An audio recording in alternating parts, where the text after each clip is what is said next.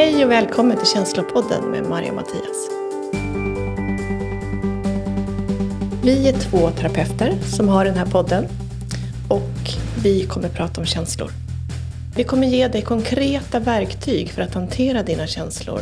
Där du får en möjlighet att faktiskt börja bygga en nära relation till dig själv. Där dina känslor får vara en tillgång i ditt liv och vägleda dig vidare. Hej och välkomna till Känslopodden igen. Idag tänkte vi prata lite om eh, ätstörningar. Ett område som du är eh, specialist på, Maria. Mm, japp. Och eh, jag tänkte vi skulle börja frågan, vad är värt att veta om ätstörningar? Jag tycker att det är värt att veta att ätstörningar är en känslomässig sjukdom. Att det handlar om känslor, en känslomässig konflikt som du sitter i. För de flesta eh, tänker ju på att det är en, eh, att de går ner i vikt, att det är någon som inte äter. Vad beror det på? Det är väl det vi ser, tänker jag, när vi tänker på ätstörningar. Den där tjejen som går på gatan och är väldigt, väldigt smal, som har anorexia. Det vi inte ser är den känslomässiga kampen som hon utkämpar varje dag med sig själv. Vad är det för kamp? Den här kampen kan ju se olika ut beroende på. Lever du med anorexia, nervosa, så handlar det om att svälta dig själv. Det kan vara bestraffning. Det kan vara en flykt från känslor. Lever du med bulimi, som handlar om hetsätning, då är det en ren känsloflykt från den ångest eller det, den liksom känslomässiga kaoset du befinner dig i. Då behöver du en paus och då är mat ett effektivt sätt att få den pausen. Okej. Okay. Men alltihop har att göra med känslor som man undviker? Allt har att göra med känslor som man undviker eller vill få kontroll över. Vem får det här? Vem är det vanligast som får den här sjukdomen? Ja, det är ju kanske lite svårt att svara på för att det här eh, kan ju liksom komma i olika åldrar har vi nu sett eh, även bland män och kvinnor, även om kvinnor är överrepresenterade. Och många unga tjejer hamnar i ätstörning. Men jag som sitter som terapeut eh, ser ju också att många kvinnor överlag har någon gång under sitt liv handskats med en ätstörning av något slag. Mm. Så det är vanligt? Det är väldigt för vanligt skulle jag nog faktiskt kunna säga. Mm. Och då kom, blir man ju nyfiken. Och kom, hur kom det sig att du blev specialist eller intresserad av just det här? Att hjälpa folk med ätstörningar? Ja, jag sitter ju som eh, samtalsterapeut eh, och har riktat in mig på tankar och känslor. För att tankar och känslor samarbetar och skapar varandra. Och har då träffat väldigt många kvinnor och män. Men sett då att de flesta av de kvinnor som jag har suttit med har någon gång längs vägen hamnat i en ätstörning för att de har suttit i en känslomässig situation som de inte vet hur de ska hantera. Och det är där liksom ätstörningen eller någon annan beroendeproblematik kommer in. Du vet inte hur du ska hantera och då blir det sättet att hantera. Mm. Så var, alltså du ser ju väldigt många olika typer. Var, I vilket stadie, finns det olika stadier här vi kan prata om? Bara för att förstå lite mer. Uh, vilka är, vad är man någonstans när man kommer till dig? Är man eh. innan man har ätstörningar eller mitt i? Försöker hantera maten eller är det efteråt? Jag skulle nog säga så här, innan du har en ätstörning så söker du nog inte hjälp för ätstörning. Utan det är när du är i en ätstörning. Det är många som inte ens förstår i början att det här är en ätstörning för att det är så känslomässigt. Mm. Sen börjar det gå ut över maten, men det tar ofta en stund innan du får förståelsen av att det här är en ätstörning. Mm. Så att de som hör av sig till mig har eh, antingen levt med en ätstörning ganska länge eller har fått förståelsen av att oj, jag har hamnat i en ätstörning. Är det alltid den som har ätstörningar som har hört av sig eller är det någon närstående? Nej, det kan vara, är det unga tjejer så är det ju ofta jag ska säga unga tjejer eller killar, så är det ju ofta föräldern eller föräldrarna som hör av sig med en oro av att de inte vet hur de ska hantera situationen och behöver hjälp. Och vad är det de, när de kommer hit, vad är det de, hur känner de sig? Vad är det för frågor de brukar ställa? Men de känner sig ofta otroligt maktlösa. De förstår ofta inte vad det här innebär. Hur kan jag hjälpa till?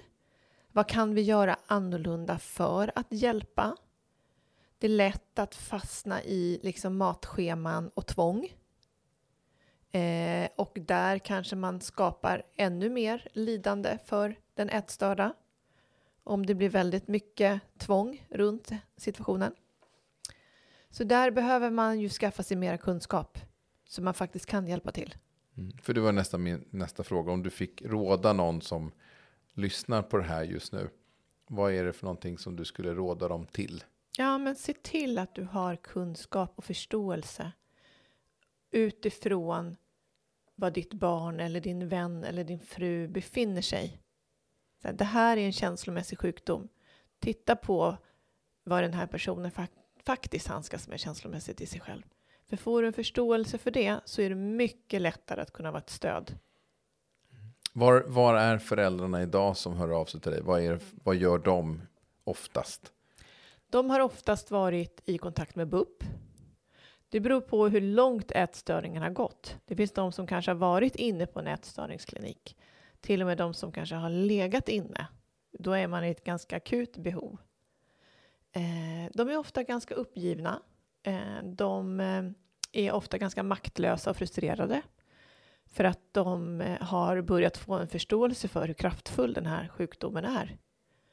Och att för den som är ätstörd så är det här på liv och död. Och det krävs verkligen djup kunskap för att kunna handskas med sån här situation. Mm. Jag tänker på att många av de här föräldrarna, de håller sig fast lite vid att försöka följa de här matscheman och så vidare. Vad skulle du råda dem till? Ja, men förstå, få en djup förståelse för det känslomässiga. Om du har ett barn som till exempel är ätstört, så börja rota lite djupare. Titta på, har den här, din son eller dotter, varit med om någonting traumatiskt? Finns det mobbning? Finns det liksom situationer som är obearbetade i den här personen som du faktiskt behöver förstå och tas hand om?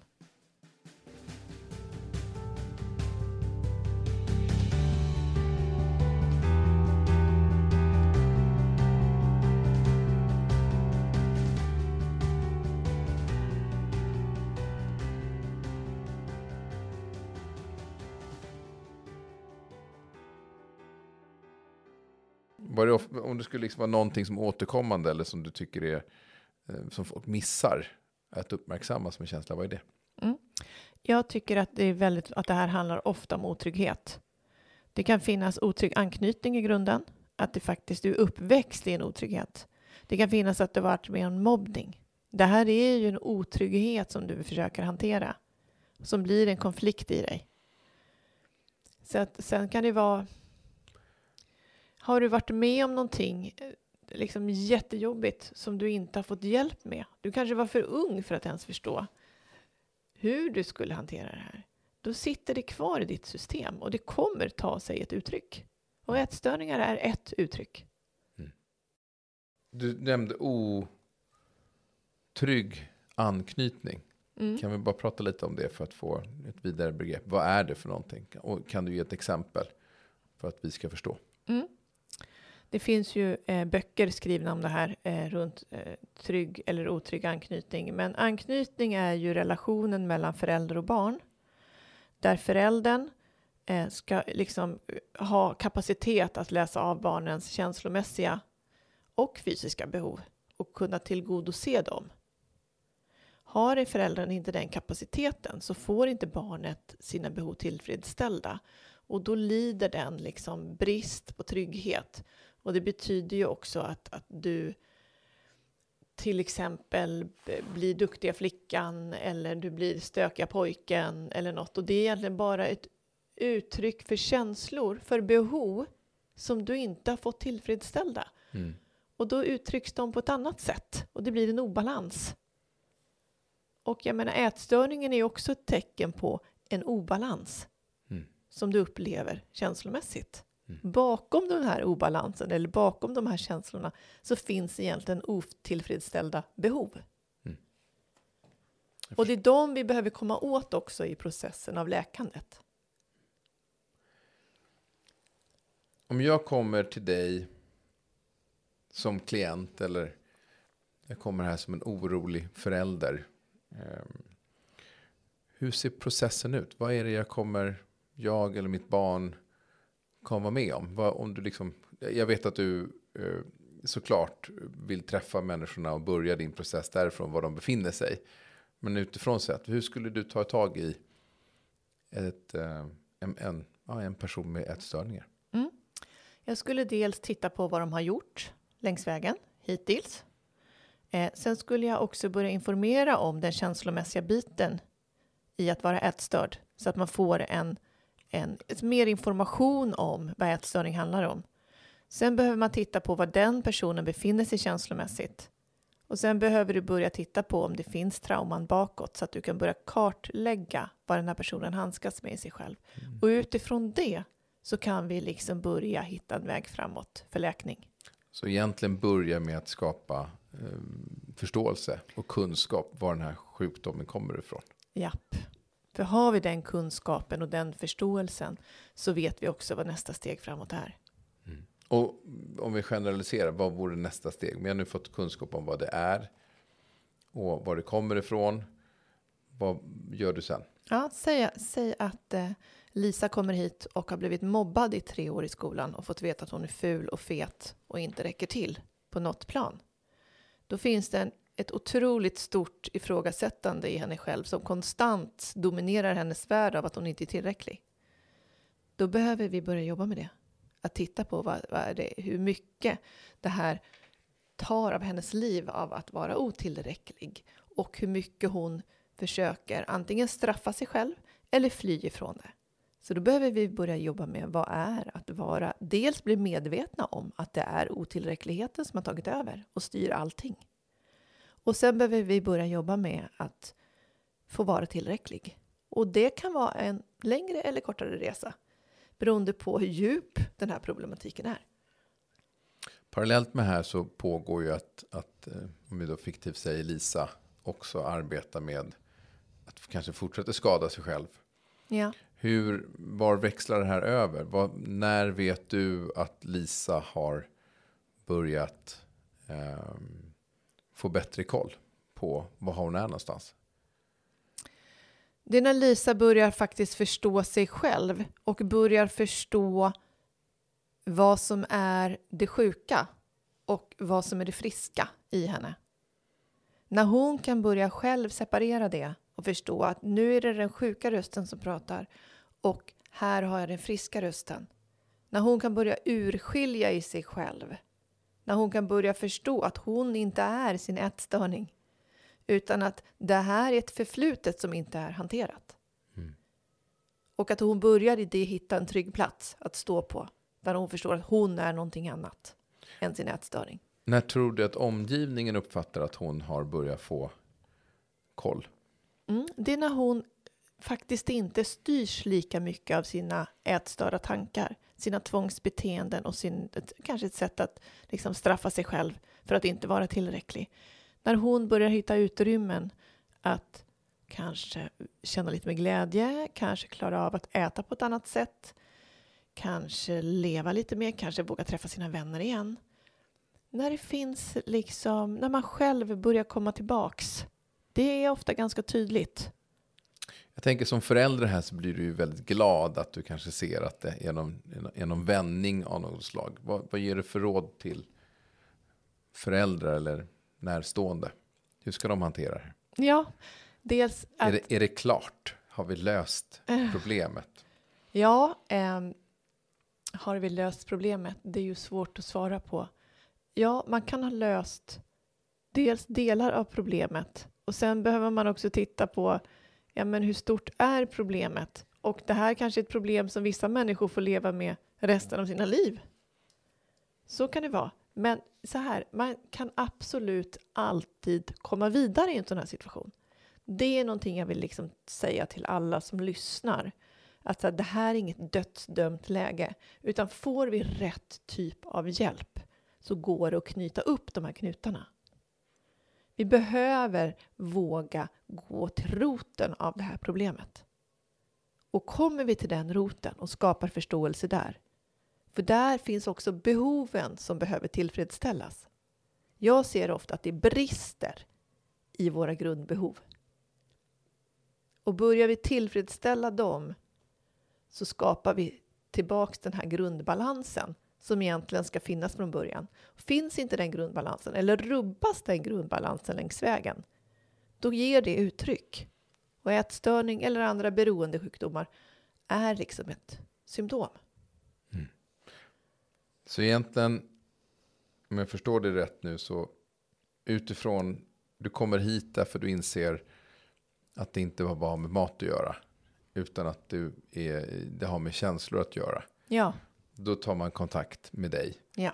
När man har fått den kunskapen. Så det handlar om ett kunskapsbehov här. Att förstå att det är någonting som kontrollerar mig. Som ja. gör att jag eh, tar till ätstörningar. Och i din process så handlar det mycket om att försöka från att gå från kontroll till koll. Att jag liksom förstår vad det är som har tagit eh, kontroll över mig. Och att jag kan hantera det som den friska eller den sjuka sidan som du pratade om. Ja. Att förflytta mig till att det, jag är inte min sjukdom utan att jag måste få liksom perspektiv och förstå att det är att jag inte kan hantera mina känslor som har tagit mig till att försöka det här kontrollbehovet då. Mm. Um, om du skulle säga så här, vad, om vi har ett par föräldrar här i rummet, vad, vad är det för råd du skulle vilja ge till dem? När de har förstått och lite mer kunskap om det här. Hur ska de hantera sitt barn? Många föräldrar går in i otroligt mycket stress och det är inte så konstigt. Men jag tänker att använd din energi som förälder till att verkligen så här, försök förstå ditt barn. För ju mer stress vi skapar runt de här, den här situationen, ju mer stress behöver ditt barn handskas med. Så att verkligen lägg fokuset på att liksom läs på, förstå och liksom försök att hela tiden hitta vidare. Mm. För det är lätt att låsa sig i stressen och i maktlösheten runt situationen. Mm. Och så blir det bara ännu stökigare. Så att verkligen så här, ja men läs på, Se till att du, att du får information och den information du behöver och sök hjälp själv mm. om du känner att du har låst dig. Jag tänker köp, få tag i stöd. Ja. Eh, och för, så att du liksom att det här är inte, det här är någonting du måste vara med och stötta. Och ja. gör det inte till ditt problem, för barnet har problem i det här oavsett. Eh, för jag tänker den att eh, det jag hör är ju eh, när jag träffar människor som har ehm, medmänniskor som har ätstörningar så blir det ju deras stress som du säger. Det blir deras problem. Hur ska jag lösa det här? Hur fixar jag det här? Vad kan jag bidra med? Mm. Ska jag bevaka maten? Mm. Ska jag följa eh, schemat? Vi måste gå till BUP. Mm. Och jag förstår ju extremt mycket stress som ställs på de här människorna. Och vill egentligen försöka få dem att förstå att du behöver hjälp för att du ska bli ett stöd. Ja. Uh, där. Uh, intressant. Blir man någonsin frisk? Man kan absolut bli frisk. Vad är din definition på frisk? Min definition på frisk är att jag känner mig själv så bra så att när de där rösterna kanske kommer så vet jag vad de är någonting. Jag vet vad de kommer säga och jag vet hur jag ska hantera dem. Så att jag behöver inte bli kidnappad av dem längre. Mm. Vissa människor blir aldrig friska från det här. Nej, mm. för att det här är ett skydd också. Och är man inte villig att släppa det skyddet, det är en separation det handlar om. Du har skapat en, en liksom falsk trygghet. Och eh, är man inte redo att släppa den så blir separationen för stor. Mm. Finns det andra sjukdomar som du känner som har, har, eh, har en liknande profil? Finns det andra sätt som jag använder, som jag tar till för att ha ett kontrollbehov? Det finns de som skär sig själva. Det är också ett sätt att skära dig i armen att få bort känslomässig smärta. För den fysiska smärtan är väldigt mycket enklare att förhålla sig till. Den är konkret. Mm. Um, Ja, alltså drogmissbruk, tänker jag, är också en, ett fly, en flykt från det som vi inte vet hur vi ska hantera. Mm. Det här är ju liksom beroendebeteenden och beroendebeteenden handlar ju om att fly från smärta. Mm. Och jag menar, det finns hur många som helst. Socker, Mm. det, ja, you name it. Mm. Maria, tack så mycket för att du eh, idag fokuserade på att berätta eh, och sprida din kunskap till våra lyssnare. Vi säger också att ta gärna kontakt med oss. Eh, vi finns här ifall att du har frågor, eh, vill ha mer kunskap, eh, vill ha råd, vill ha terapi eller coachas i de här frågorna. Så eh, tack så mycket. Tack.